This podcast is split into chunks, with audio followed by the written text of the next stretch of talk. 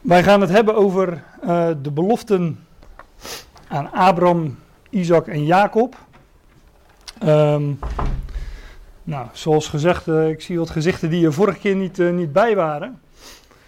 Um, niet dat ik dat verwacht had, maar ik, ja, ik wil de mensen toch een beetje tegemoet komen. Dus een kleine terugblik naar, naar de vorige keer. We hebben hier vorige keer een inleidende studie gehouden over het, over het woord van God. Wat is dat woord van God? En waarom is het zo belangrijk voor ons om, uh, om dat woord te onderzoeken? En we zijn tot, die, uh, tot, tot een aantal conclusies gekomen. Er zijn natuurlijk nog veel meer conclusies te trekken, dus uh, ik heb toen ook gezegd, ik ben daar niet volledig in. Maar we hebben in ieder geval gezien dat de schrift, het woord van God, een eenheid is. Ook al bestaat het uit verschillende geschriften, met verschillende schrijvers over een lange periode. over een lange periode hebben verschillende Bijbelschrijvers hun bijdrage eraan geleverd. Maar het woord zegt dat uiteindelijk uh, de schrift toch een, een eenheid is. Omdat het allemaal ingegeven is. pardon, allemaal ingegeven is door dezelfde geest, de geest van God. Nou, dat zagen we in dat vers 2 Timotheus 3 vers 16. Um, ik ben er niet heel uitgebreid op ingegaan, maar we hebben het wel genoemd dat de schrift uh, zichzelf verklaart. we vinden dat in 2 Petrus 1 vers 20, daar wordt gezegd dat geen profetie van de schrift van eigen uitlegging is. Dat betekent dus, als je de schrift uit wil leggen, dat we daar niet zelf een uitleg aan zouden geven, maar dat we de diverse schriftgedeelten elkaar zouden uh, laten uitleggen en aanvullen. We doen Bijbelstudie. Um, dus ik wil het houden bij alleen de schrift. En volgens 2 Timotheus 3, vers 17 is dat hetgene wat een gelovige volkomen toebereidt tot elk goed werk. Nou, conclusie, mijn conclusie. Meer hebben we dus niet nodig, dus waarom zouden we meer bijhalen? Alleen de schrift. En tuurlijk, het is wel, uh, je kunt wel eens andere bronnen noemen. Um, maar ze zijn in ieder geval niet maatgevend. Of uh, hebben, hebben geen autoriteit. Ik wil um, met geven van Bijbelstudie zo dicht mogelijk uh, komen bij het origineel. Zo dicht als mogelijk. Nou, wat is het origineel? Dat zijn de oorspronkelijke uh, geschriften zoals die opgetekend zijn door de Bijbelschrijvers. Nou, die spraken geen Nederlands, uh, hoofdzakelijk Hebreeuws en Grieks. Maar we leven in een bijzondere tijd, een computertijdperk, waarin je met een paar muisklikken uh, bij, uh, bij, dat, ja, bij dat origineel kunt komen. En ja, ook, uh, er is genoeg materiaal in ieder geval om, um, om zo dicht als mogelijk bij het origineel te komen. Ik gebruik daar een programmaatje voor, dat zal ik straks ook wel laten zien, dat heb ik vorige keer ook gedaan. Voor vanavond is belangrijk, als we het hebben over de beloften uh, aan Abraham, Abraham, Isaac en Jacob, dat we de schrift zo letterlijk mogelijk nemen.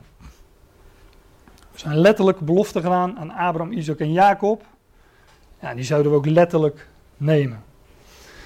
Ik heb erachter gezet beeldspraak, die kent de schrift ook. als je iets niet letterlijk kunt nemen, zal het wel beeldspraak zijn. Als er gesproken wordt over de leeuw van Juda, dan weten we dat het gaat over Christus.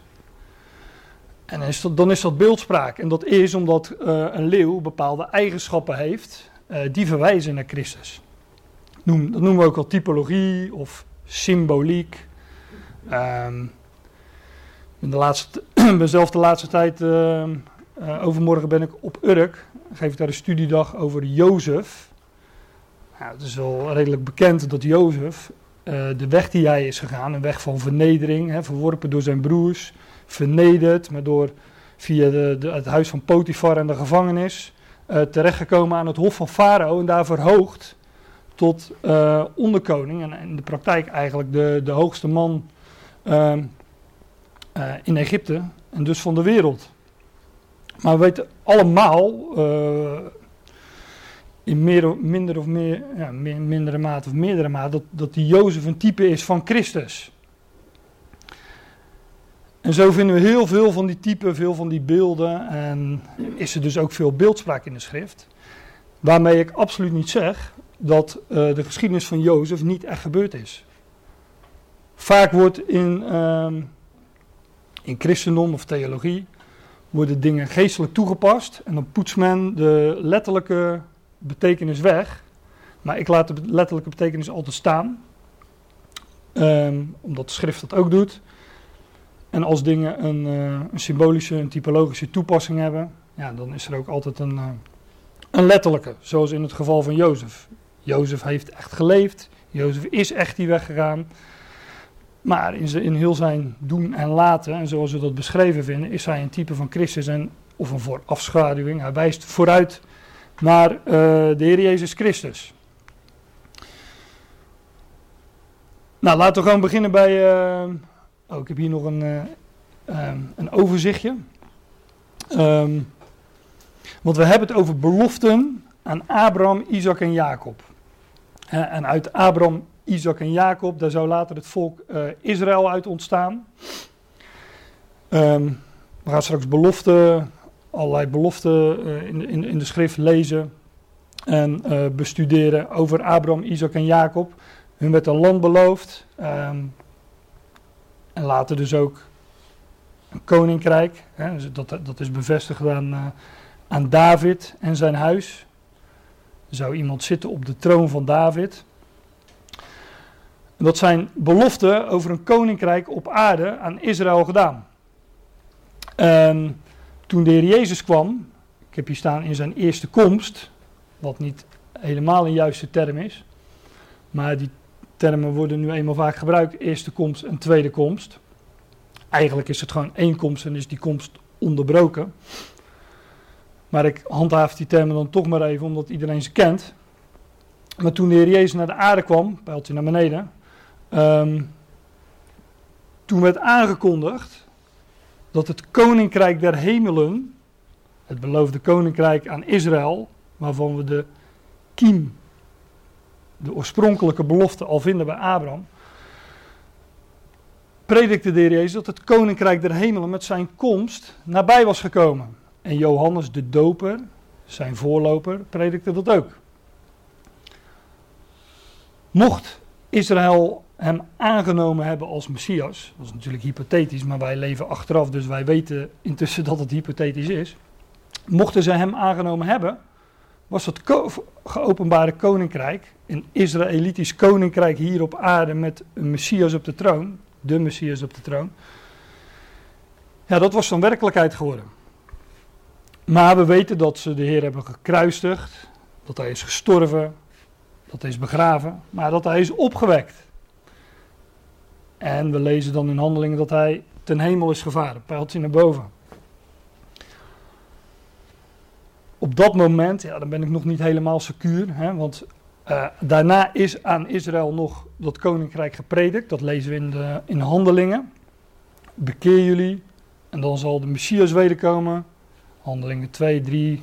Petrus predikt tot op de Pinkse dag. Ook in handelingen 3 vinden we dat. Bekeer jullie, want dan zal de Heer terugkomen van de hemel om hier zijn koninkrijk op te richten, Israël, zegt hij. Dat is uiteindelijk niet gebeurd en dat koninkrijk werd verborgen. In de toekomst zal, zal hij terugkomen naar deze aarde om alsnog zijn koninkrijk op te richten. Aan Israël, een Israëlitisch wereldrijk. Met de Messias op de troon, de Heer Jezus Christus op de troon van David in Jeruzalem. Als u het nog nooit gehoord hebt, dan is het wellicht een, eh, een, een, een gecompliceerd verhaal. Maar u zal er toch aan moeten wennen om, um, meen ik, om de, om de schrift te begrijpen. En om ook deze beloften die gedaan zijn aan Abraham, Isaac en Jacob te begrijpen. Wij leven in een hele bijzondere periode, dat is de periode van deze stippellijn, waarin het koninkrijk verborgen is. In deze periode staat Israël terzijde. Wat ik niet zeg is dat Israël totaal heeft afgedaan. Ik zeg Israël staat terzijde. En God verzamelt zich, zoals Jacobus dat volgens mij zegt in Handelingen 15, een volk uit de heidenen. uit de natieën, dus uit de niet-Joden. En dat is het lichaam van Christus. Christus is in de hemel, is verborgen. En de mensen die uh, het lichaam dat hij nu verzamelt, de gelovigen die hij nu verzamelt, die noemen wij het lichaam van Christus. En dit woord is een Grieks woord, ecclesia. Ik gebruik dat graag, omdat uh, het wordt meestal vertaald met gemeente of kerk. Maar ja, bij een kerk denkt u wellicht aan de kerk op de hoek, of de verzameling van kerken van een bepaald genootschap. Of als ik zeg gemeente, denkt u aan uh, evangelische gemeente of een Pinkstergemeente. Maar ecclesia, bete is, betekent uit. Dus een woord dat samengesteld is uit twee delen. Uit. En ecclesia is roepen. Het Engelse to call. Herkennen we daar nog in. Dus uitgeroepenen of uitroepsel. Inderdaad, God roept zonder onderscheid uit de natie een volk voor zijn naam. En dat was eerst wel anders, want eerst was het koninkrijk aan Israël beloofd. En in de toekomst zal dat ook vervuld gaan worden. Zal hij terug gaan komen en dan zal hij zijn koninkrijk uh, gaan openbaren.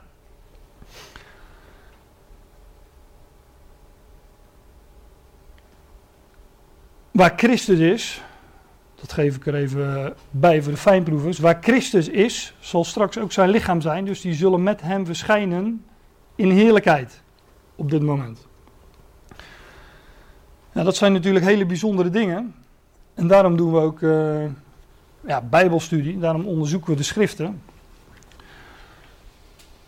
Want als je daar een beetje een besef van hebt van wat hier staat en wat nog ons deel is, ja, dan, uh, dan gaat het je duizelen.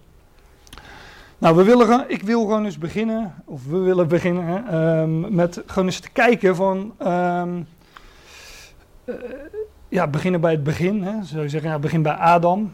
Maar ik wil uiteindelijk toewerken naar de, de apostel Paulus, apostel van de natieën. En die haalt Adam nogal uh, wel een aantal keren aan als voorbeeld. Dus ik heb ervoor gekozen om uh, bij de beloften aan Abraham, Isaac en uh, Jacob te, te, beginnen. Dat was ook een nieuw begin. Hè? Dat was na de zondvloed. Er werd een periode van Adam tot Noach afgesloten. Dus het leek me een prima moment om, om daar gewoon eens te beginnen. En ik denk dat het nodig is om die zaken te begrijpen beloften aan Abraham, Isaac en Jacob. Hè, wat is nou het geopenbaarde koninkrijk? Zoals ik het net al even noemde. Wat predikte Jezus nou en Johannes de Doper in de evangelie? Het koninkrijk der hemelen. Wat is dat nu precies? En ik denk dat het goed is als we daar een besef van hebben. En als we die dingen op, op, op de juiste manier, in de juiste tijd en in de juiste volgorde ook uh, kunnen plaatsen. Zodat we vanzelf ook meer besef krijgen van onze roeping. En ik begin in Genesis 12.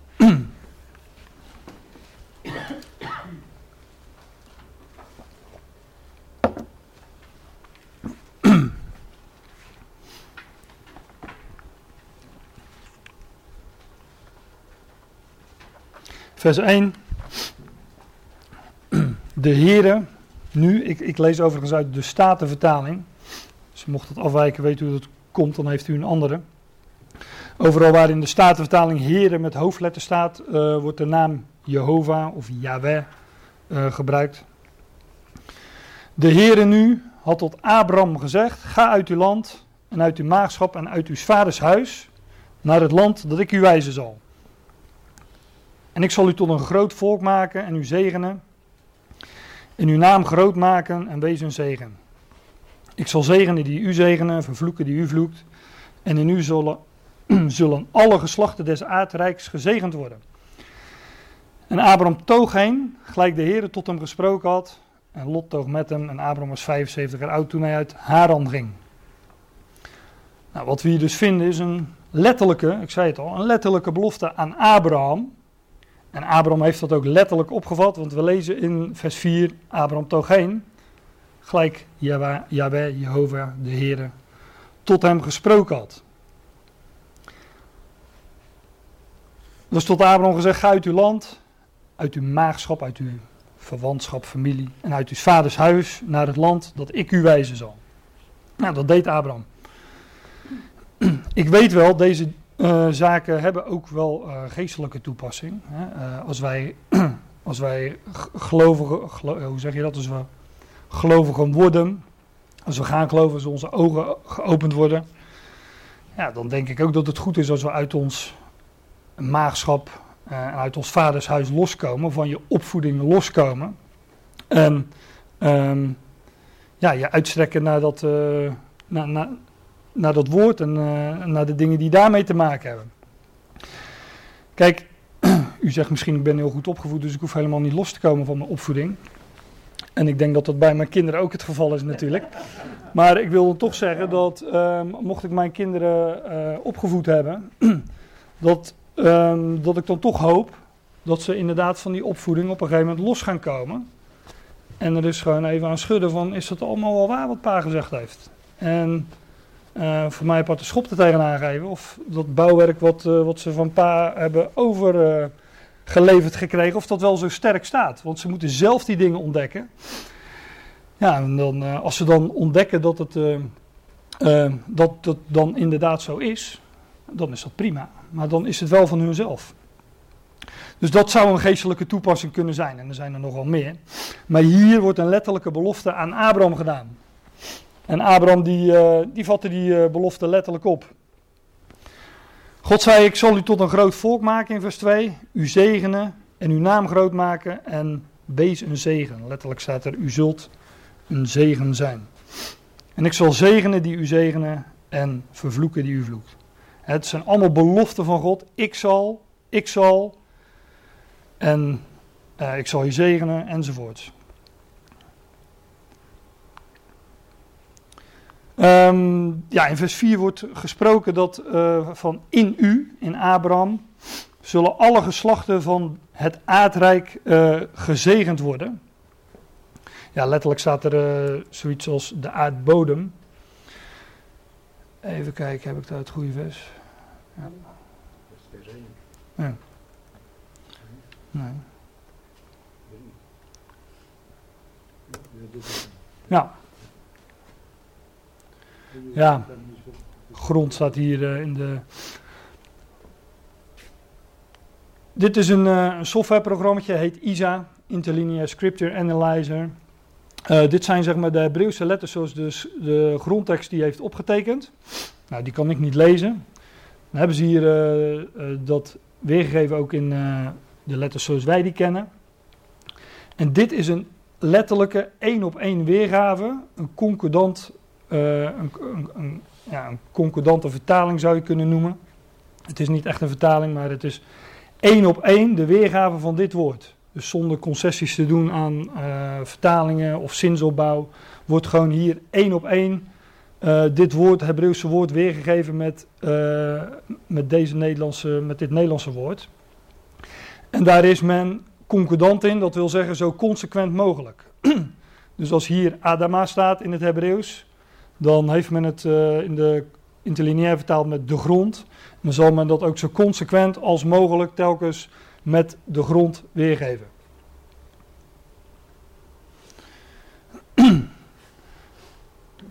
Hier wordt gesproken van Adama. Ja, dat is vertaald in de Statenvertaling met aardrijk. Het is de, de aardbodem. Het is in tegenstelling tot. Er, is, er, is, nog een ander woord voor land. Dat vinden we het overigens in Genesis 12, vers 5 waar wordt gesproken over het land Canaan. Daar zit vaak een beperking in en daar blijkt heel vaak uit het verband wat het is. God noemde het droge land ten opzichte van de zee in Genesis 1 vers 8, 9, 10. In het begin in ieder geval. Nog een uh, term die we hier vinden, die, uh, die van belang is. Um, in jou, in u, zullen alle geslachten van de aardbodem gezegend worden. Dat wordt tot Abraham gezegd. En in u, die term kennen we, we kennen de term bijvoorbeeld uit het Nieuwe Testament in Christus. Dat betekent dat het niet buiten Christus omgaat. Dat alle volken in Abraham zullen gezegend worden, betekent dat het niet buiten Abraham omgaat. Oftewel, Abraham zal erbij zijn. Dit is natuurlijk een heel mooi vers, wat ik uh, sowieso graag uh, aanhaal, 1 Korinthe 15 vers 22, maar hier wordt twee keer gesproken van in Adam en in Christus. Gelijk zij allen in Adam sterven, hè, dat is dus in Adam, daar is Adam bij betrokken. Hij was daar, uh, hij was daar ook zeg maar de eerste in. Hè. De Romeinen 5 zegt, zegt dat uh, door één daad van Adam de zonde in de wereld is gekomen. Door de zonde de dood. De dood is tot alle mensen doorgegaan. Waarop allen gezondigd hebben. En dus sterven allen in Adam. Daar is Adam bij betrokken. Alzo zullen zij ook in Christus allen levend gemaakt worden. Daar is Christus bij betrokken. Dat is zijn werk, om het zo uit te drukken. Nou, zo is het ook met Abraham. In u, belooft God aan hem, zullen alle geslachten van de aardbodem gezegend worden. Dat betekent dus dat Abraham daarbij betrokken zal zijn. Nou ja, dit uh, gedeelte wat we hebben gelezen in Genesis 12 wordt ook wel vaak uh, aangehaald als het gaat om, uh, om uitverkiezing. Hè? Maar we lezen hier ook dat Abraham uitverkoren was, dat was hij, opdat in hem alle geslachten van de aardbodem gezegend zouden worden. Nou ja, uitverkiezing is dus ten gunste van anderen. Dat is in ieder geval een conclusie die je hier zou trekken. Genesis 18. Ik neem gewoon wat van die uh, beloften uh, door. Er zit al wat herhaling in, hoor, want het zijn beloften die uh, meerdere keren gedaan zijn. Genesis 18. Daar lees je in vers 18. Dewijl, omdat Abraham gewisselijk tot een groot en machtig volk worden zal en alle volken der aarde zullen in hem gezegend worden. En God zegt, zal ik voor Abraham verbergen wat ik doe in vers 17? Omdat Abraham gewisselijk, gewis, zeker tot een groot en machtig volk worden zal en alle volken der aarde in hem gezegend zullen worden. Hier vinden we dus hetzelfde. Ook in Genesis 22 vinden we beloften.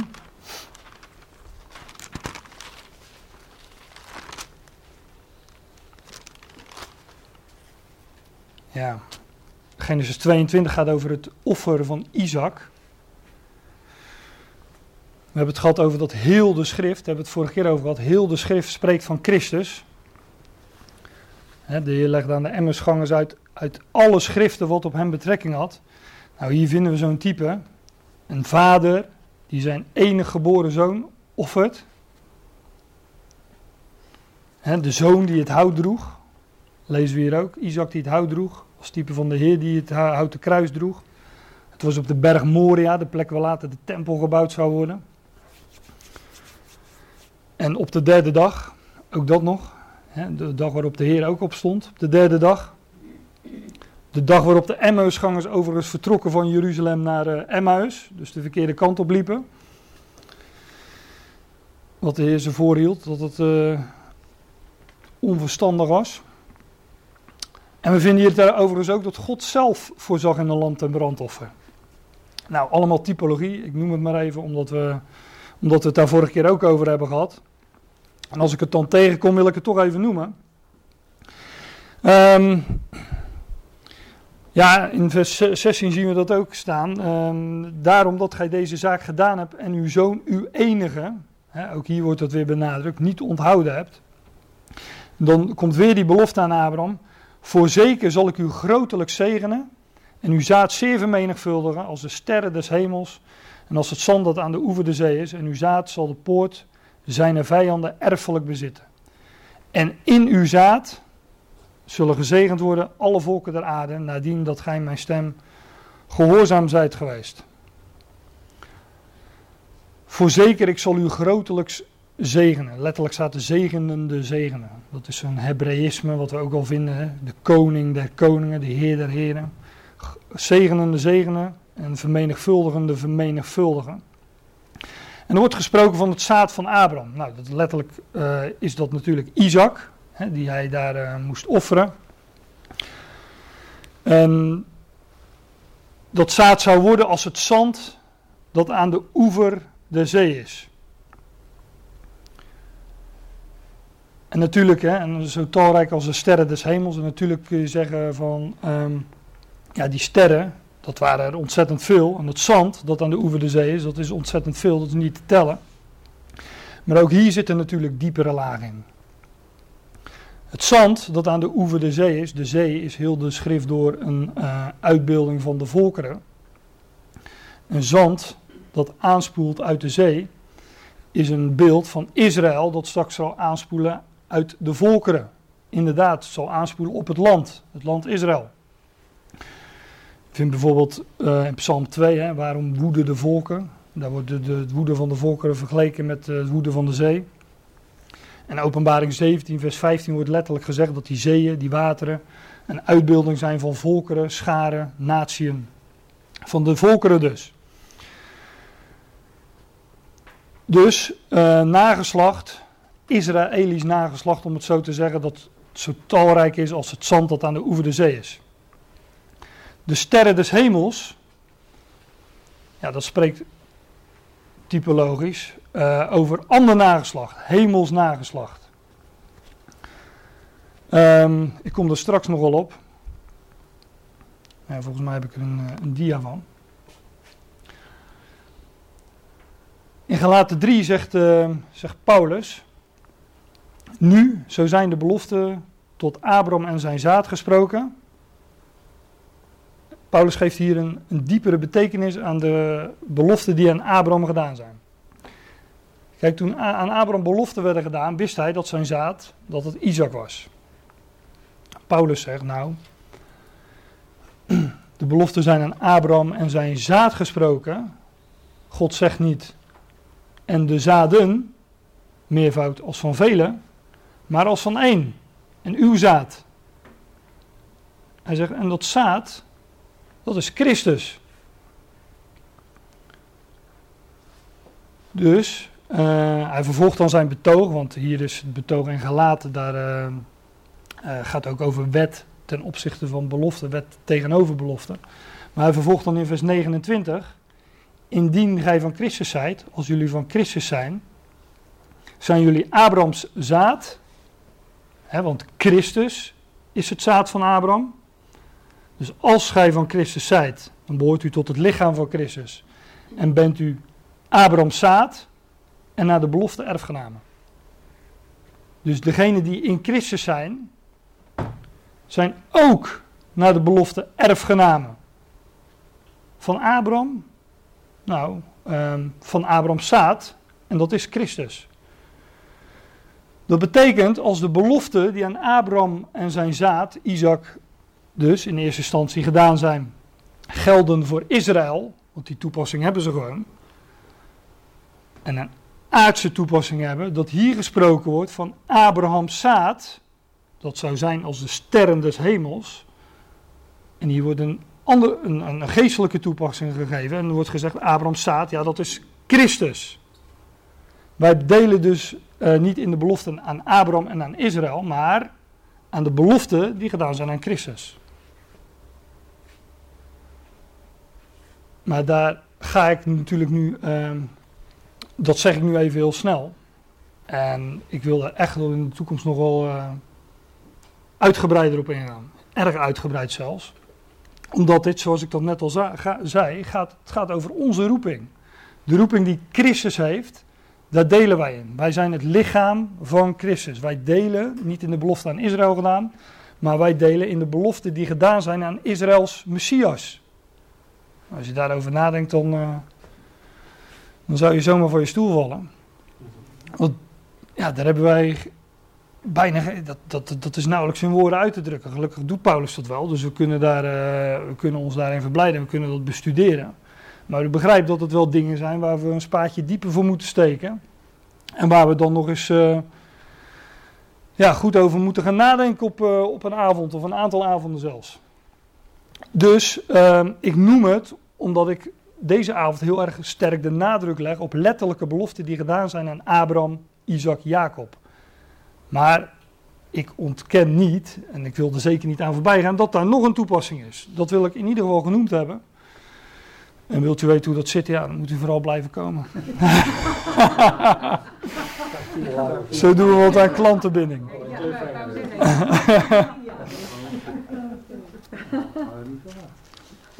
Uh, terug naar uh, nou, Genesis 22. Hè, daar, daar, wordt gezegd tot, tot Abraham: U hebt uw zoon, uw enige niet onthouden. Hè, zoals, zoals, de, zoals later in Romeinen 8 staat: Die zelfs zijn eigen zoon niet gespaard heeft, maar hem voor ons allen heeft overgegeven.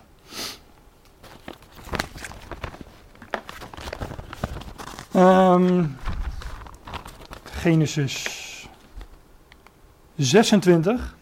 Ja, we bladeren gewoon wel door Genesis. En dit zijn ze, uh, de, de beloften die, die God daar doet aan Abraham. Uh, en straks ook aan Isaac en Jacob. Hier aan Isaac.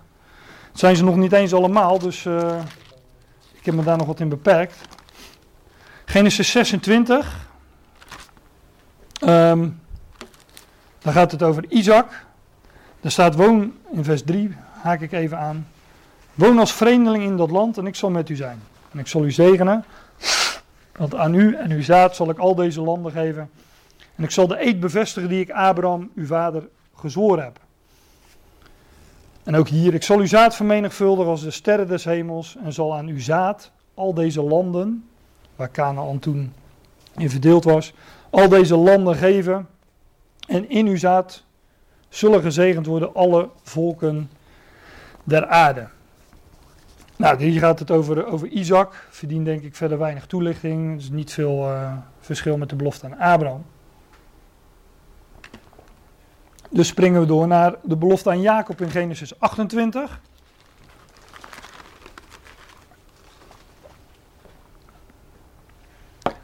Ja, daar, dat is ook een bekend schriftgedeelte. Jacob um, die droomt daar in Bethel. Hij heeft dus zijn eh, hoofd op de rots neergelegd is natuurlijk altijd goed om te doen, op een steen. En dan lezen we in vers 13, hij heeft een droom over een ladder waarop engelen uh, op en neer klommen. Tenminste, de, vertaling geeft geloof ik aan dat het een ladder is.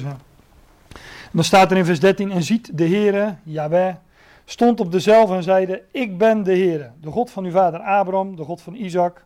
Dit land waarop gij ligt te slapen zal ik aan u geven en aan uw zaad. Ook hier weer de belofte van een land. Letterlijk, hij lag erop te slapen. Jacob, dus hij wist ook, nou het gaat over dit land. en, en uw zaad zal wezen als het stof der aarde. En gij zult uitbreken in menigte westwaarts en oostwaarts, noordwaarts en zuidwaarts.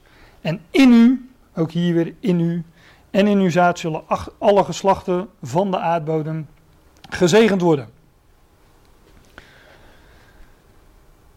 Abraham, Isaac en Jacob zijn belofte gedaan. We hebben ze nu, uh, nu alle drie uh, gelezen. Dat alle geslachten, alle volkeren in hen zullen gezegend worden. Nou leven zij niet meer, maar zij zullen dus uh, zij zullen opgewekt worden. Dat kan niet anders, want ze zullen daarbij bij betrokken zijn. Ik had het net even over het Koninkrijk der Hemelen. We vinden in het Nieuwe Testament, hè, waar het Koninkrijk der Hemelen werd aangekondigd door Johannes de Doper, door de Heer Jezus vinden dan ook schriftplaatsen waar Abraham, Isaac en Jacob genoemd worden.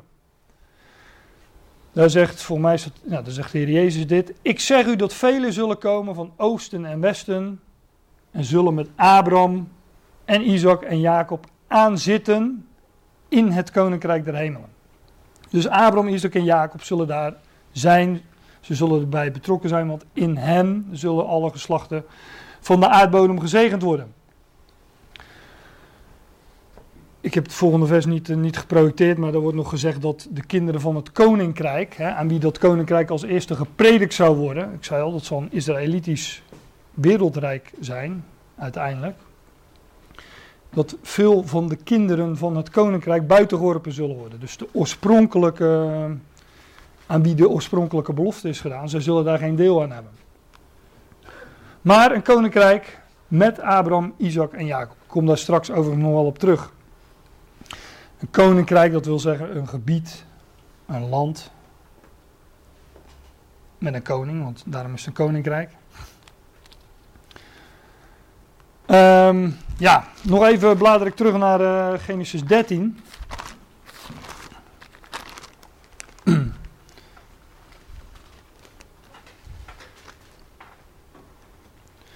De belofte die aan Abraham gedaan wordt. Um, die betreft een land, dat zei ik al, dat, dat vinden we hier ook in Genesis 13. De Heere zeide tot Abraham, nadat Lot van hem gescheiden was, hef uw ogen op en zie van de plaats. Vers 14 is het, zei ik dat? Vers 14, 13 vers 14. De Heere zei tot Abraham, nadat Lot van hem gescheiden was, hef uw ogen op en zie van de plaats waar gij zijt, noordwaarts, zuidwaarts, oostwaarts en westwaarts. Want al dit land, dat gij ziet, zal ik u geven, en aan uw zaad tot in eeuwigheid.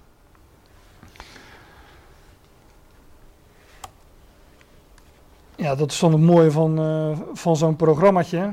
Is dat je uh, kan zien wat daar nu uh, precies letterlijk staat. Ik zal dit aan jou, dit land, heel dit land zal ik aan jou geven, wat jij ziet. En aan jouw zaad, tot aan of gedurende Aion. En wellicht dat u dat woord niet kent, maar ik noem het even, omdat ik. Uh, het wordt hier vertaald met, uh, met eeuwigheid, maar het wordt ook wel eens vertaald met eeuw, of met uh, wereld, of met andere woorden. En ook in het Nieuwe Testament vinden we een equivalent van dat woord. Dit woordje aion kent u misschien niet als Nederlands woord, maar het staat wel in, in de woordenboeken.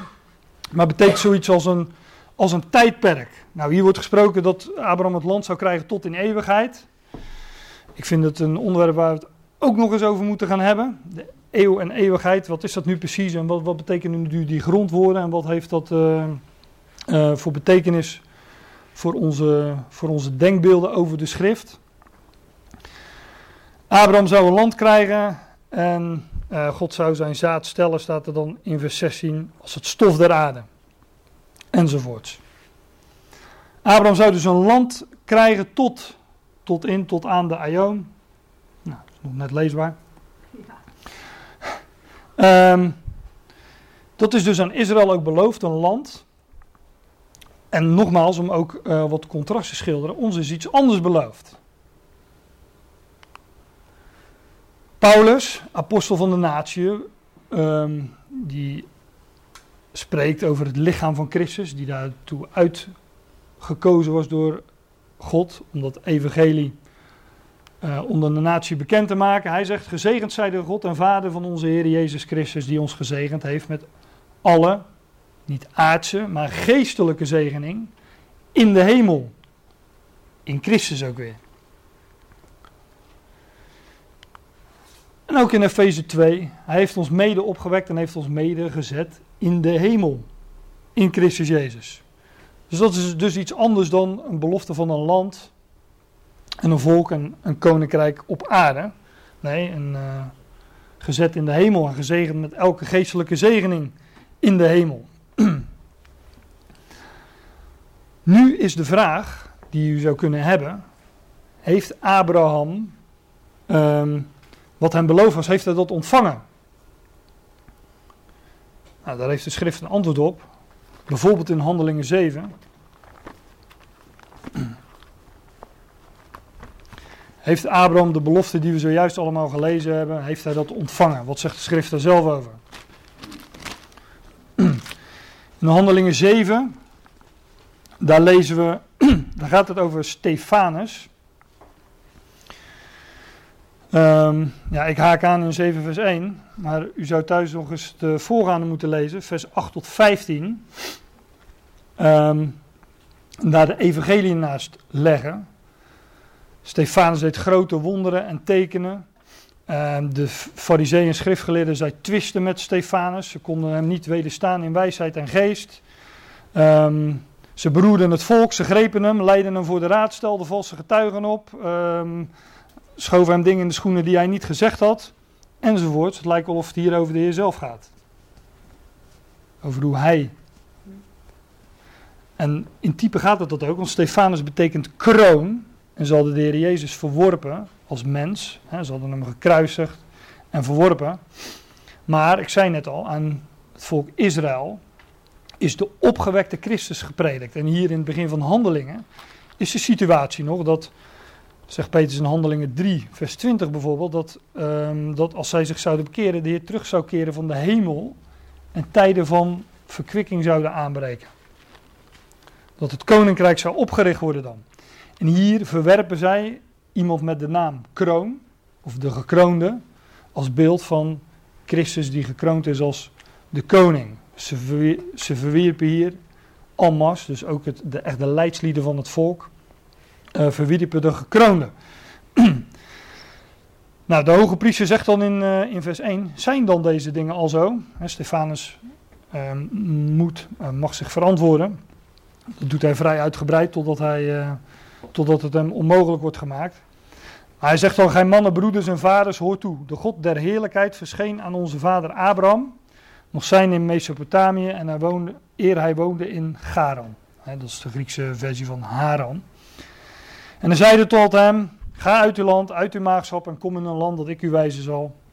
Toen ging hij uit het land der Galdeeën en woonde in Garan.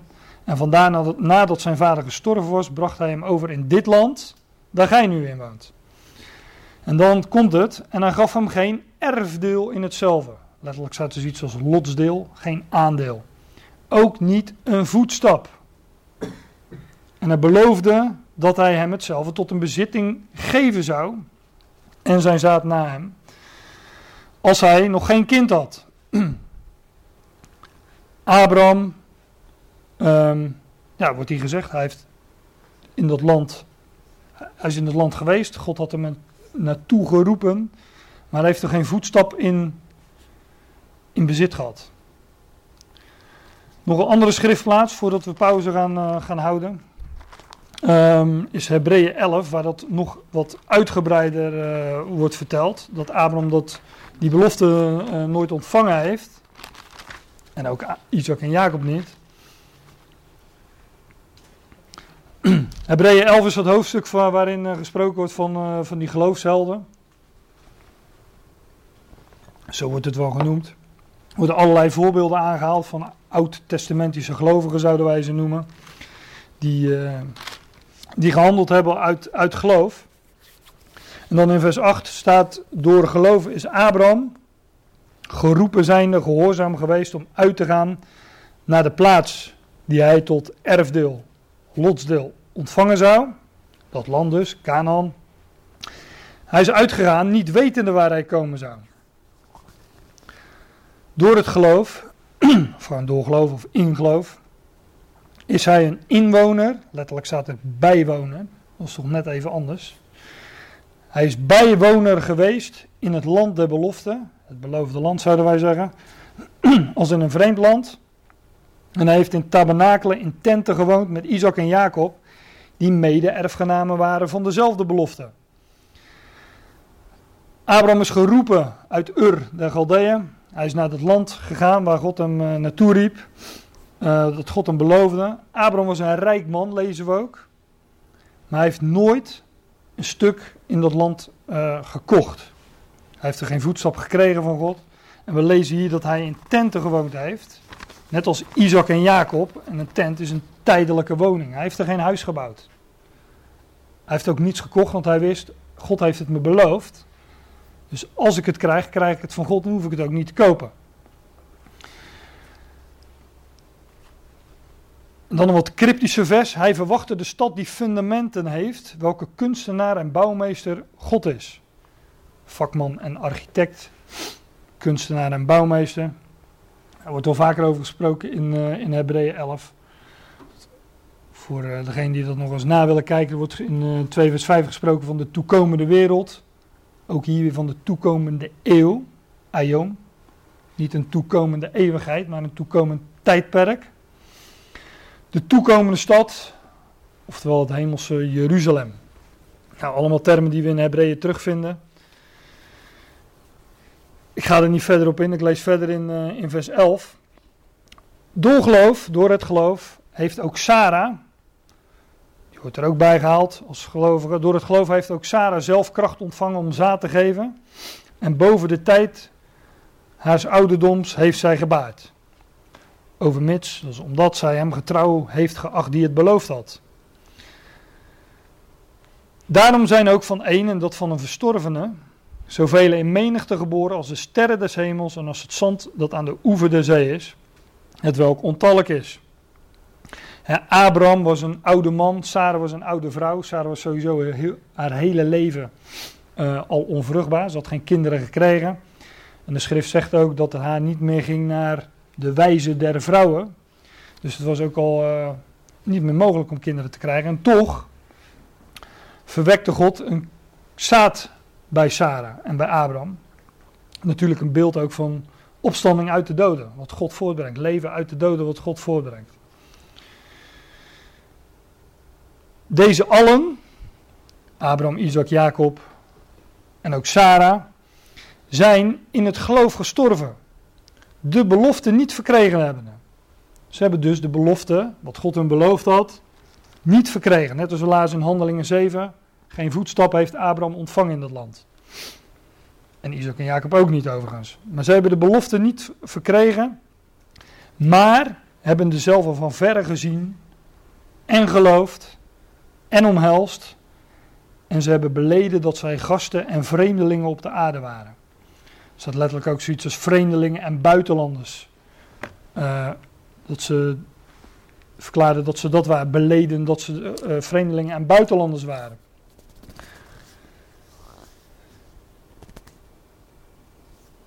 Ze hebben dus die belofte niet verkregen. En dan staat er ook, want die zulke dingen zeggen, betonen klaarlijk dat zij hun vaderland zoeken.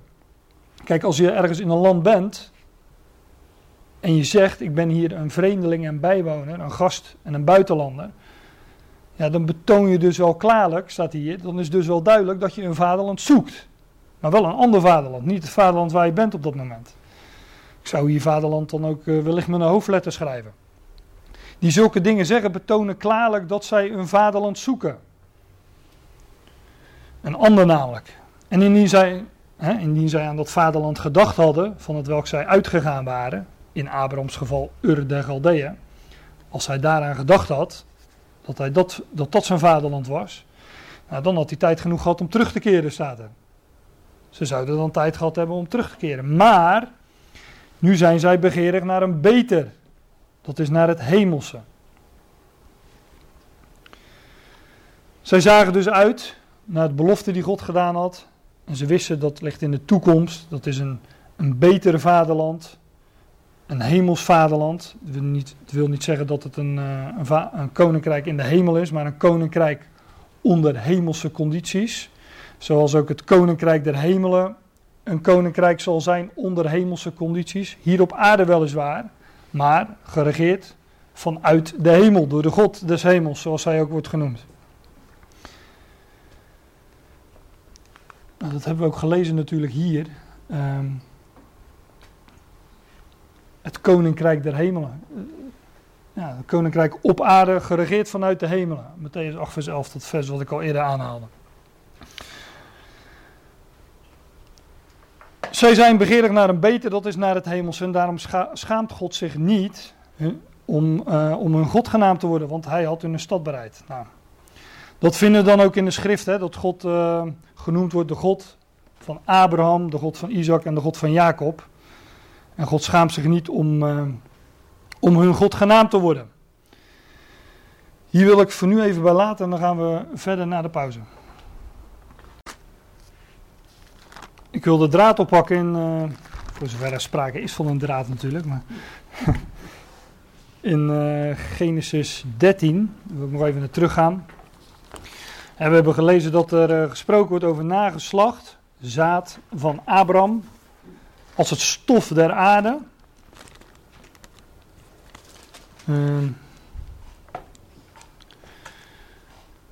13 vers uh, eh, 16 was dat. Ik zal u zaad stellen als het stof der aarde, zodat indien iemand het stof der aarde zal kunnen tellen, zal ook uw zaad geteld worden.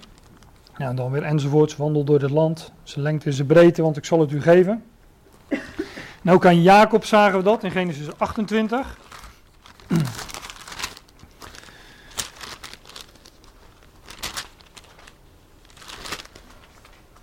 Vers 13 daar stond uh, dat, uh, dat God zegt: Ik ben de Heer, de God van uw vader Abraham en de God van Isaac. Dit land waarop gij ligt de slaven zal ik aan u geven, aan, aan, uw, aan uw zaad. En uw zaad zal wezen als het stof der aarde. Enzovoorts. Er wordt dus gespro gesproken van een land, uh, van stof, van aarde en van aardbodem. Nou, aardse belofte dus.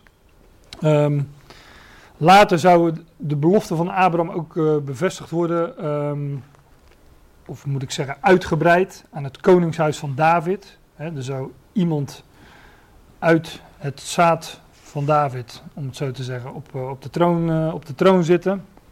Een nakomeling van David. Overigens vinden we daar de kern ook al van in Genesis, want de zegening die Jacob aan zijn zoon Juda geeft, daarin zegt hij de scepter, een scepter is koningschap, spreekt van koningschap, de scepter zal van Juda niet wijken. Dus we vinden dat uh, al in Genesis, dat is Genesis 49 dacht ik, ik ga er niet naartoe. Maar waar ik wel even naartoe wil is uh, twee kronieken. Waar ook gesproken wordt over uh, het stof der aarde. Twee kronieken uh, 1.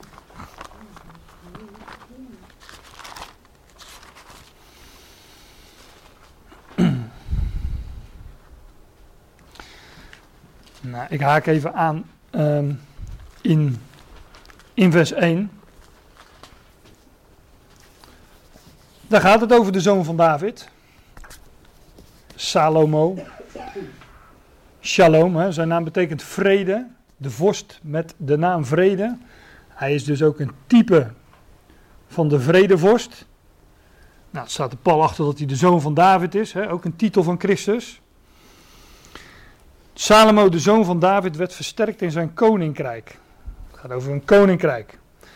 Want de Heere zijn God was met hem en maakte hem ten hoogste groot. Spreekt dus van typologisch als voorafschaduwing, spreekt het van de verhoogde Christus. De vredevorst, de zoon van David in zijn koninkrijk. Nou, we hadden het in de pauze um, over een aantal zaken, maar ook bijvoorbeeld over de duizend jaar. Die duizend jaar die we in openbaring 20 vinden, waarin Satan uh, gebonden is, dan zal dat zal de tijd zijn ook dat het koninkrijk hier op aarde gevestigd zal worden. Nou, we weten van Salomo dat hij een duizendvoudige heerlijkheid had, namelijk duizend vrouwen. En ook hier in vers 6 uh, vinden we bijvoorbeeld beschreven duizend brandofferen. De vrouw is de heerlijkheid van de man. Uh, uit. Daarom zeg ik dat, een duizendvoudige heerlijkheid. Maar dat begrip duizend staat ook echt. Vrouwen, maar dat moet je niet Dit wordt opgenomen, dus ik hou mijn mond. maar duizend speelt een, een, een grote rol. Uh, staat typologisch, ik zeg, ik zeg, het vrij kort, staat typologisch voor dat koninkrijk, voor die duizend jaar. En daarom vinden we bij Salomo, de vredevorst, de zoon van David, ook die duizend uh, terugkeren, zoals hier in vers 6. Maar er wordt um, in vers 7 gesproken, uh, in diezelfde nacht verscheen God aan Salomo en hij zeide tot hem, begeer wat ik u geven zal. Salomo mocht dus kiezen wat hij van God wilde ontvangen. En Salomo zei tot God, gij hebt aan mijn vader David grote weldadigheid gedaan en gij hebt mij koning gemaakt in zijn plaats. Nu, Heere God, Laat uw woord waar worden gedaan aan mijn vader David, want gij hebt mij koning gemaakt over een volk, menigvuldig als het stof der aarde. Hier staat Israël dus als volk voor het stof der aarde. Nou, het is een van de schriftplaatsen die ik um, gewoon even wilde laten zien, om te laten zien dat die lijn ook verder uh, voortgezet wordt. Er zullen in latere studies ook nog wel uh, op terugkomen of op terugwijzen. Maar Salomo was dus koning over heel Israël. En hij was, uh, had een volk als het stof der aarde. Nou ja, wellicht kent u het vervolg. Hè? Uh, Salomo vroeg om wijsheid. En u weet, de vrezen des Heren is het begin van wijsheid. En als je dat zoekt, zoek eerst het koninkrijk van God. Al het andere ontvangt u dan bovendien. En dat kreeg Salomo ook. Hij zocht wijsheid, hij kreeg al het andere bovendien. In de volgende vers. Maar stof der aarde dus als, als beeld van, van Israël. Nou, dat lazen we dus ook al in, in Genesis 13 vers 16 en, uh, en, en Genesis 28 vers 14. Die versen waar ook gesproken wordt over het stof der aarde. Abraham, Isaac en Jacob zaad is dus uh, Abrahams natuurlijk nageslacht. En dat wil zeggen Israël en het land dat men voor eeuwig of voor de eeuw, voor de aion zou bezitten. dat is Canaan. Nou, dit vers liet ik net al even zien. Hè, dat hebben we ook al eerder gezien. De beloften aan Abraham, Isaac en Jacob, die zullen vervuld worden in de toekomst bij het aanbreken van het koninkrijk der hemelen. En als ik even heel snel terugga naar volgens mij mijn tweede dia, dan is dat hier, want daar hadden we het in de pauze ook al even over. En ehm, ik noemde net de duizend jaren al, waarin Satan gebonden zal zijn. Dan zal er een geopenbaard koninkrijk hier op aarde zijn. Wellicht kent u dat opwekkingslied. Vanaf de troon vestigt de zoon zijn heerschappij. Daar gaat het dus over. En nu snel weer terug. um, ook een onderwerp van gesprek in de pauze was van jou, hoe zit dat dan met uh, gelovigen en ongelovigen? nou, ik wil u laten zien dat het gelovigen zijn die delen in die beloften aan Abraham, Isaac en Jacob. Bijvoorbeeld in Johannes 8.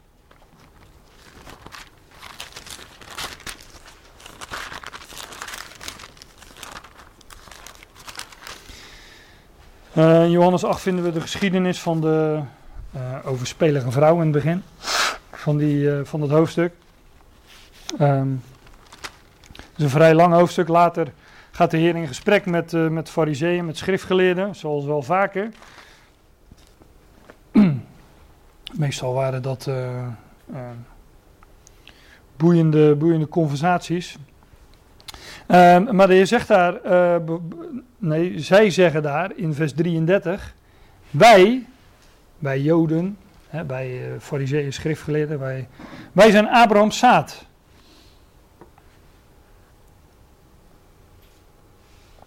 Nou, dat gaat er nog even verder. En dan zegt de Heer in vers 37.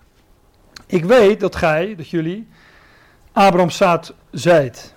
Maar, gij zoekt mij te doden. jullie zoeken mij te doden. Want mijn woord heeft in u geen plaats.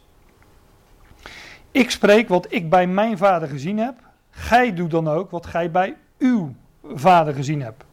Zij zeiden, zij zeiden wij zijn Abraham's zaad. Hè? Dus Abraham is onze vader. Dat zeggen ze eigenlijk. Dat zeggen ze dan ook in het volgende vers. Ze antwoordden en zeiden tot hem: Abraham is onze vader. Jezus zei tot hem: Indien gij Abrahams kinderen waart, als jullie kinderen van Abraham waren, dan zou je ook de werken van Abraham doen. Nou, wat deed Abraham? Abraham kreeg beloften. Ik heb dat overigens niet gelezen, is Genesis 15. Abraham kreeg beloften. En dan staat er, uh, God, God zei, uh, ook diezelfde belofte die we al eerder hebben gelezen. Ik ga ze niet allemaal herhalen. Maar er staat, ja, Abraham geloofde God. En dat is hem gerekend tot gerechtigheid. God rekende dat als recht, als juist. Dat hij belofte deed en Abraham zei, oké, u zegt dat, ik geloof dat. Dat rekende God tot, tot gerechtigheid. Dus dat zijn de werken van Abraham. Um, waar mijn zin is de Heer aan refereert in, uh, in vers 39.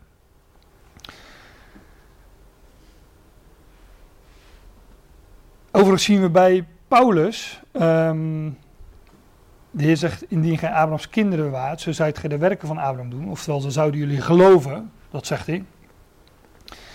Um, we zien bij, bij Paulus uh, bijvoorbeeld in Romeinen 2, dat hij ook dat begrip Jood beperkt. Hij zegt, nee, uh, een Jood is niet iemand die besneden is in het openbaar, dus zeg maar aan de lijve, hè, dat je dat kan zien, maar die het in het verborgen is, die besneden is aan het hart. De bedekking van het hart is weggenomen, dat het hart geopend is en dus een uitbeelding van geloof. Dat is een werkelijke Jood. In Romeinen 7, uh, 9 zegt hij, nou niet allen zijn Israël, niet allen die uit Israël zijn, zijn ook Israël. Beperkt hij daar ook dat begrip in dezelfde context. En in Galaten 4, dat is ook een hele boeiende, zegt Paulus, nou, jullie uh, uh, willen zo graag onder de wet staan, zegt hij tegen die Galaten. Verstaan jullie de wet al niet? En want jullie zeggen wel dat je kinderen van Abraham bent, maar Abraham had twee zonen. Ik heb dat niet gelezen in Genesis, maar Abraham had twee zonen. Eén uit de belofte Dat was Isaac. En voor die andere, Ismaël, was hij zelf aan de slag gegaan. Op advies van zijn vrouw overigens. Maar was hij, had hij gemeenschap gehad met zijn slavin Hagar. En daar was Ismaël uitgeboren. Dus uit Abrahams eigen werken was Ismaël geboren. En Paulus zegt tegen die gelaten, Abraham, jullie, zeggen dat je kinderen van Abraham bent. Nou, die Abraham had twee zonen en één was uit de slavin en één was uit de vrije. En degene die, uh, um, de, degene die uit de vrije geboren is, dat is degene die uit de belofte geboren is, dat is Isaac. Maar degene die uit de slavin geboren is, nou wat baart een slavin, zegt Paulus, slavernij. Dus Abraham is wel jullie vader, maar wie is dan eigenlijk jullie moeder? Dat is de vraag die, die, Paulus zo stelt in Galaten 4. En hier zeggen dus die Joden ook van ja, uh, wij zijn Abrahams zaad, wij zijn kinderen van Abraham. En de Heer zegt nou als jullie Abrahams kinderen waren, zou je me geloven. Zou het gij de werken van Abraham doen. Maar in vers 40, nu zoekt gij mij te doden, een mens die u de waarheid gesproken hebt. Welke ik van God gehoord heb. Dat deed Abraham niet. Gij doet de werken uw vaders, hè, jullie doen de werk van jullie vader. Zij zeiden dan tot hem: We zijn niet geboren uit hoererij, wij hebben een vader, namelijk God. Jezus dan zeide tot hem: Indien God uw vader ware, als God jullie vader zou zijn, dan zoudt gij mij lief hebben, want ik ben van God uitgegaan. En kom van hem. Want ik ben ook van mijzelf niet gekomen, maar hij heeft mij gezonden. Wat de Heer eigenlijk zegt, samengevat, jullie geloven niet, jullie geloven God niet, jullie geloven mij niet, jullie geloven Gods woord niet. Dus zijn jullie geen kinderen van Abraham. En dan zegt dan ook, waarom kent gij mijn spraak niet, in vers 43. Gij zijt uit, uit, de vader, uit, je, uit de vader de duivel en wilt de begeerte uws vaders doen. Die was een mensenmoordenaar van de beginnen en is in de waarheid niet staande gebleven. Wat de Heer hier naar voren brengt, is dat alleen gelovigen dus delen in de zegeningen, zoals die aan Abraham en ook Isaac en Jacob beloofd zijn. Een ander schriftgedeelte waar dat ook uh, zo genoemd wordt, is Galaten 3. Daar wordt ook gezegd dat gelovigen delen in de zegeningen van, uh, van Abraham. Ik zei al, die gelaten wilden graag uh, onder de wet leven. Nou, Paulus hier is furieus en hij zegt dan in uh, 3 vers 1, O gij uitzinnige gelaten.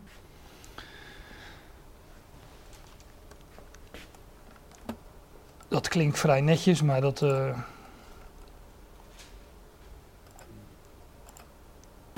staat gewoon dwaas. Oftewel, jullie zijn dwaas. Wie heeft jullie betoverd, zegt hij dan ook. Zegt hij in vers 2, dit alleen wil ik van jullie leren. Hebben jullie de geest ontvangen uit werken der wet of uit de prediking van geloof? Wat die gelaten leerden, tenminste in ieder geval mensen onder hen, die, eh, die, zei, wat, die leerden hen dat ze nu wel um, gelovig waren geworden hè, en de geest ontvangen hadden. Maar dat als zij rechtvaardig wilden leven, dat ze dan wel de wet uh, moesten gaan houden. Ze zich moesten laten besnijden en dergelijke. En Paulus zegt dan, hebben jullie dan de geest ontvangen uit de werken de wet of uit prediking van het geloof? En andere brieven zegt hij, van niet van nu moet je verder komen en moet je, moet je ook aan de slag. Nee, je moet blijven staan op wat je ontvangen hebt. Blijven staan in dat geloof. Zijt gij zo uitzinnig, ook hier weer zijn jullie zo dwaas, daar jullie met de geest begonnen zijn. Voleindig gij nu met het vlees? Nou, enzovoorts. En dan haalt hij een, uh, maakt hij een vergelijking. Um, in vers 6, gelijkerwijs, zoals Abraham God geloofd heeft en het is hem tot rechtvaardigheid gerekend. Abraham geloofde God en dat rekende God tot gerechtigheid, tot rechtvaardigheid.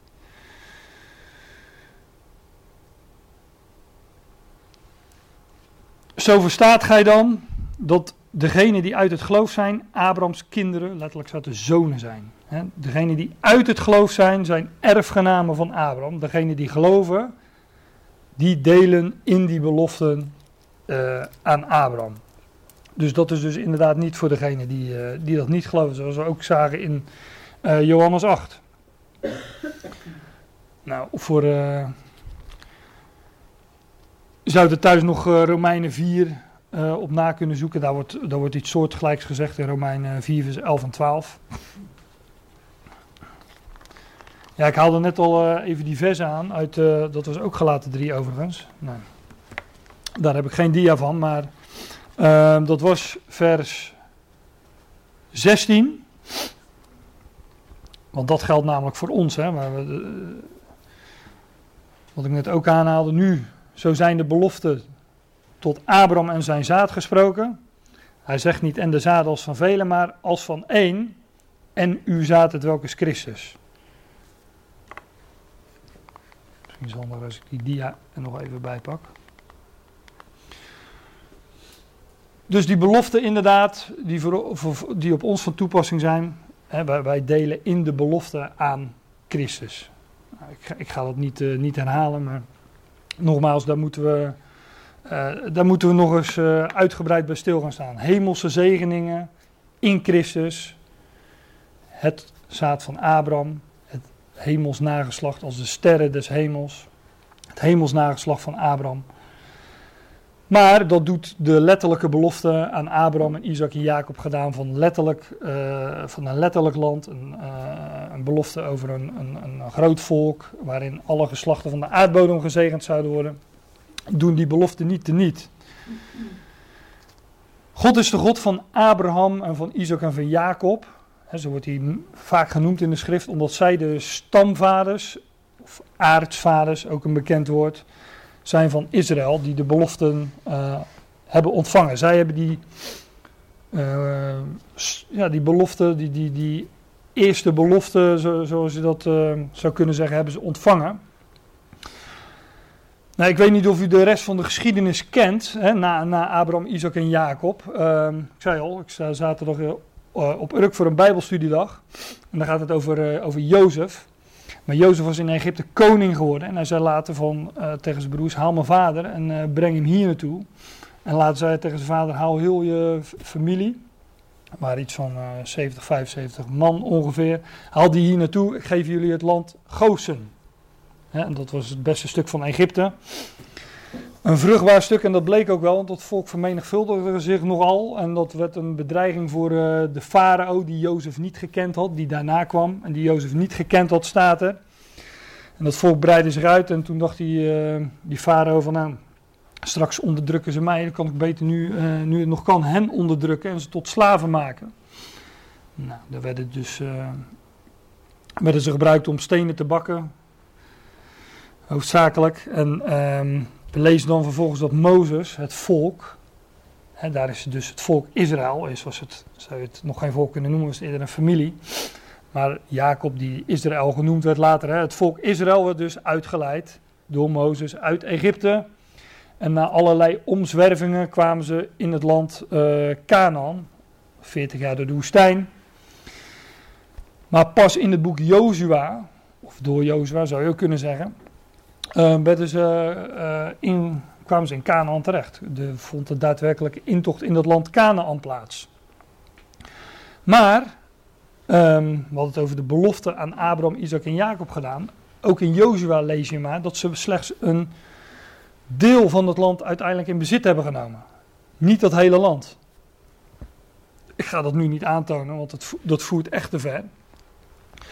Ik weet niet of u eh, zich wel eens afgevraagd hebt wat er uiteindelijk beloofd is eh, aan Abraham, Isaac en Jacob. Hoe groot dat land wel niet is. Ah, ik moet even wat verder nog. Ja, dat is dit. ehm, ik weet uit mijn hoofd het hoofdstuk niet meer waar we dat lazen. Maar dat strekt zich uit, staat er. Van de Nijl.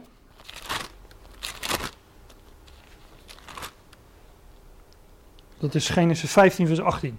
Dat strekt zich uit van de Nijl tot aan de Uifraat. Je ziet, dat is echt een geweldig eh, groot stuk, eh, stuk land. Een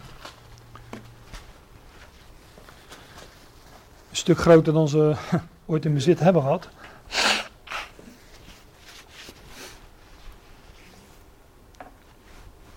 Dit is natuurlijk ook een kaartje van de huidige situatie. En dat, ehm, ja, dat brengt ons natuurlijk ook bij om iets te zeggen over die huidige situatie. Want dit is het land wat ze nu bezitten. Nou, dat is, uh, stelt natuurlijk echt helemaal niets voor als je kijkt naar wat ze beloofd is. En men noemt dit dan ook wel Israël. Maar eigenlijk zou dit Israël moeten zijn. Is net zoiets als wij Nederlanders uh, verdreven worden uit het land. En we komen uiteindelijk terug op Goeree overvlakken en we noemen dat Nederland of zo. ja, dat gaat ook nergens over. Maar dit, dit, dit, dit is natuurlijk echt heel klein vergeleken bij, uh, bij wat er uh, beloofd is. En dit is dan ook niet het beloofde land. Zoals we dat nu vinden op de kaart, die Joodse staat, staat. Waarbij ik niet zeg dat het niet voorzegd is in de profetieën dat er weer een Joodse staat zou zijn. Want ik geloof uitdrukkelijk wel dat dat het geval is. Dat is absoluut voorzegd, want het zal een uh, grote rol spelen in. Um, um, ja, als ik eindtijd zeg, dan uh, gaan er misschien vingers omhoog van dat klopt niet helemaal wat je zegt. Zou ik ook gelijk zeggen dat ik het daarmee eens ben om die term te gebruiken.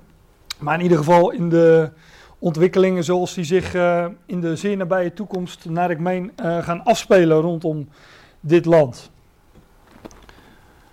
En ook hiervoor geldt, voor Israël, dat nu is, dat zegeningen van God niet gegeven worden aan ongelovigen. En we hebben nog wat tijd, dus ik wil u meenemen naar, uh, naar Zacharia, om u te laten zien ik heb het niet zelf verzonnen, en dat wil ik ook graag laten zien. Om, om, om u te laten zien wat er met deze, deze Joodse staat, en met deze stad Jeruzalem, uh, zal gebeuren. Zacharia 13. In Zacharia 13 lezen we. Ik ga straks naar Zacharia 14, want daar staat vrij uitgebreid uh, uh, wat er zal gebeuren. Maar ik neem even een paar versen mee in Zacharia 13 omdat ik dat straks wil aanhalen. Waarom, dat zal dan wel blijken.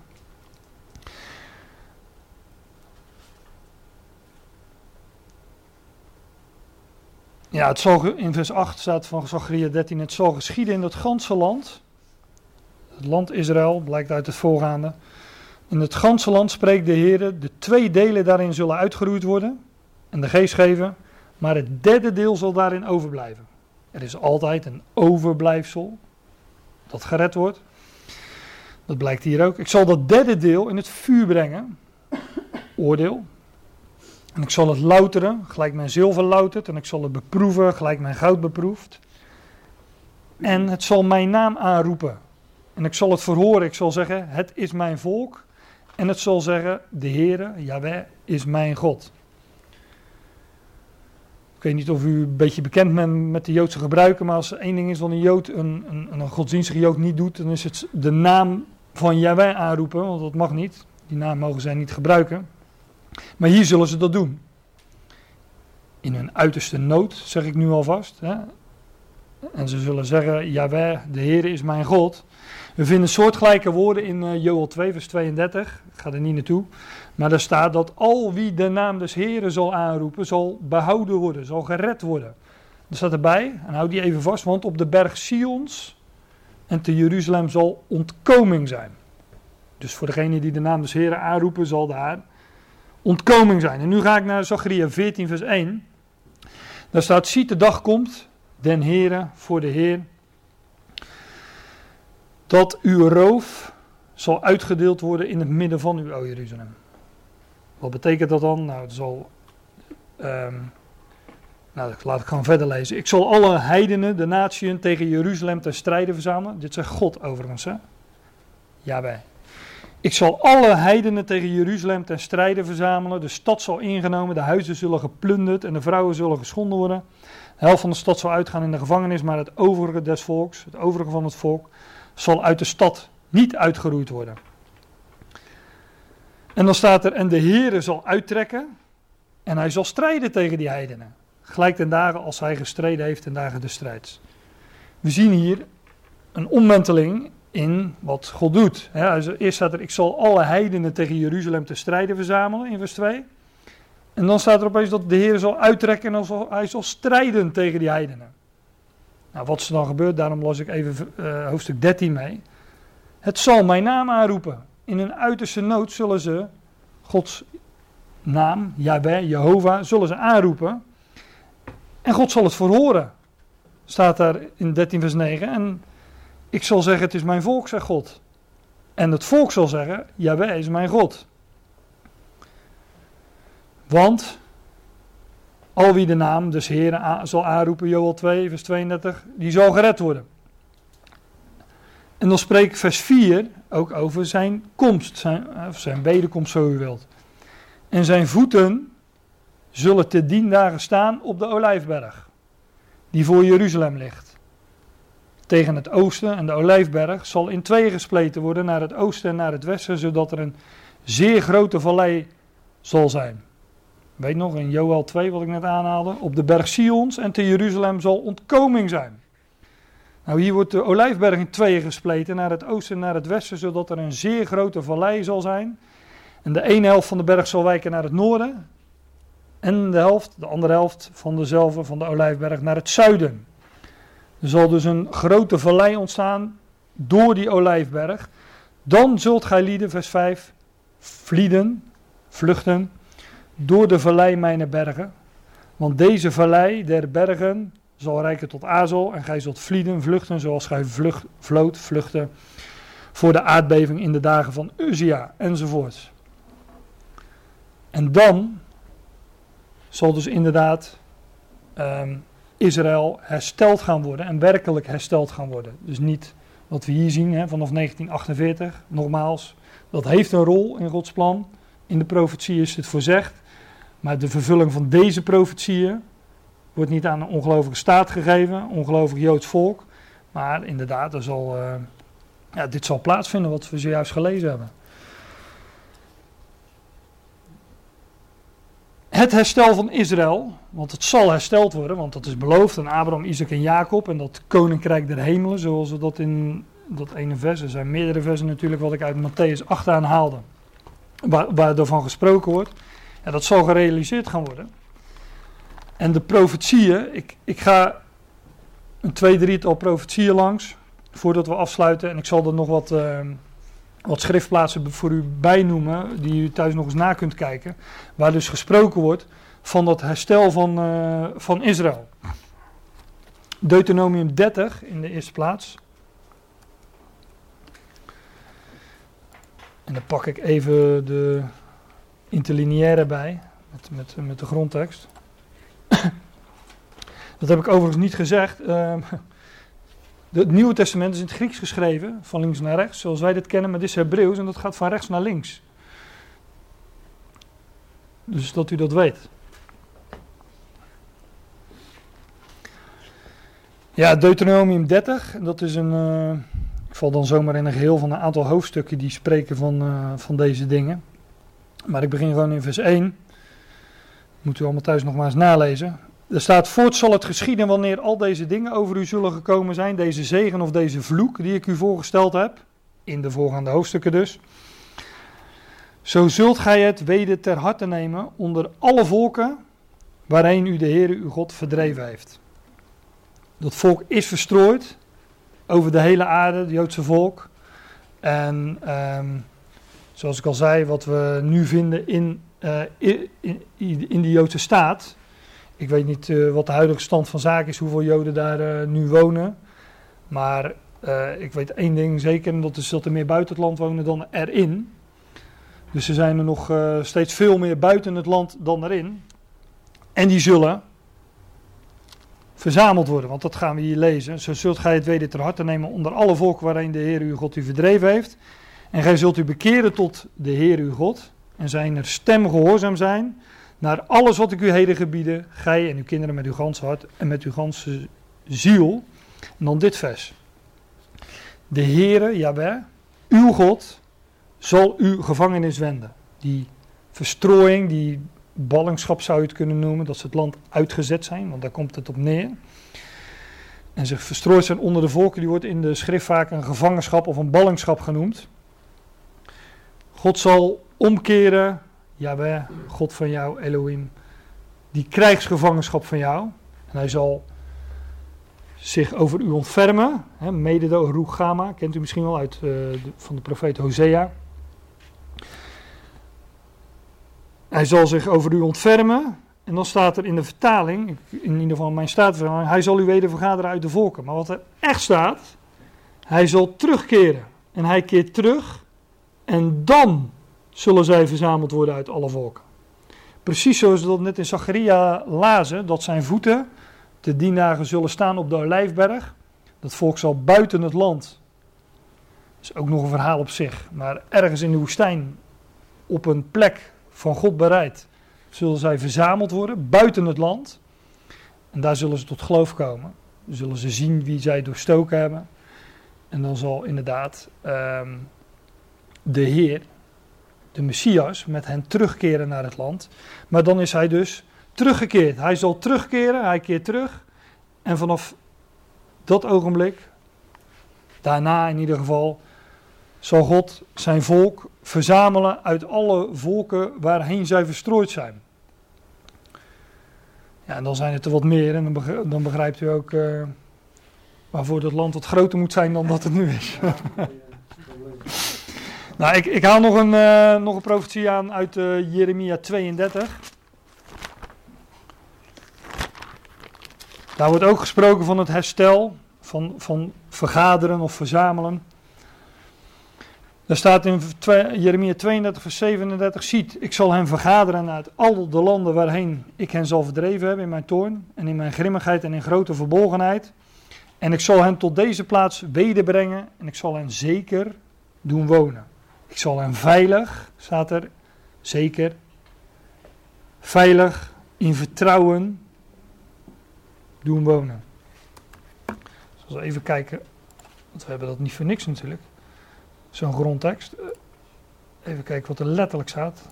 Bij ik zal hen zeker doen wonen. Ja, ik zal hen doen wonen tot vertrouwen of in vertrouwen. Ja. Maar u begrijpt wel dat dat niet de huidige situatie is. Dat zij zeker wonen, veilig en in vertrouwen. Eén ding is zeker, dat een van de volgende dagen een bomaanslag komt. Eh, dat, maar dat is niet in zekerheid wonen. Nou, u kunt, uh, ik noem er nog een paar voor als u dat bij wilt schrijven. Jeremia 23, vers 3 en 4. En Jeremia 30, vers 3 en 10. Ik heb in mijn aantekeningen gezet enzovoort. Dus ik denk dat, het, uh, ongeveer, dat er wel meerdere versen zijn in dat hoofdstuk. Ja, en tot slot dan um, wil ik naar een hoofdstuk gaan dat ook zeer bekend is. En wat spreekt van dat herstel van Israël. Ezekiel 37.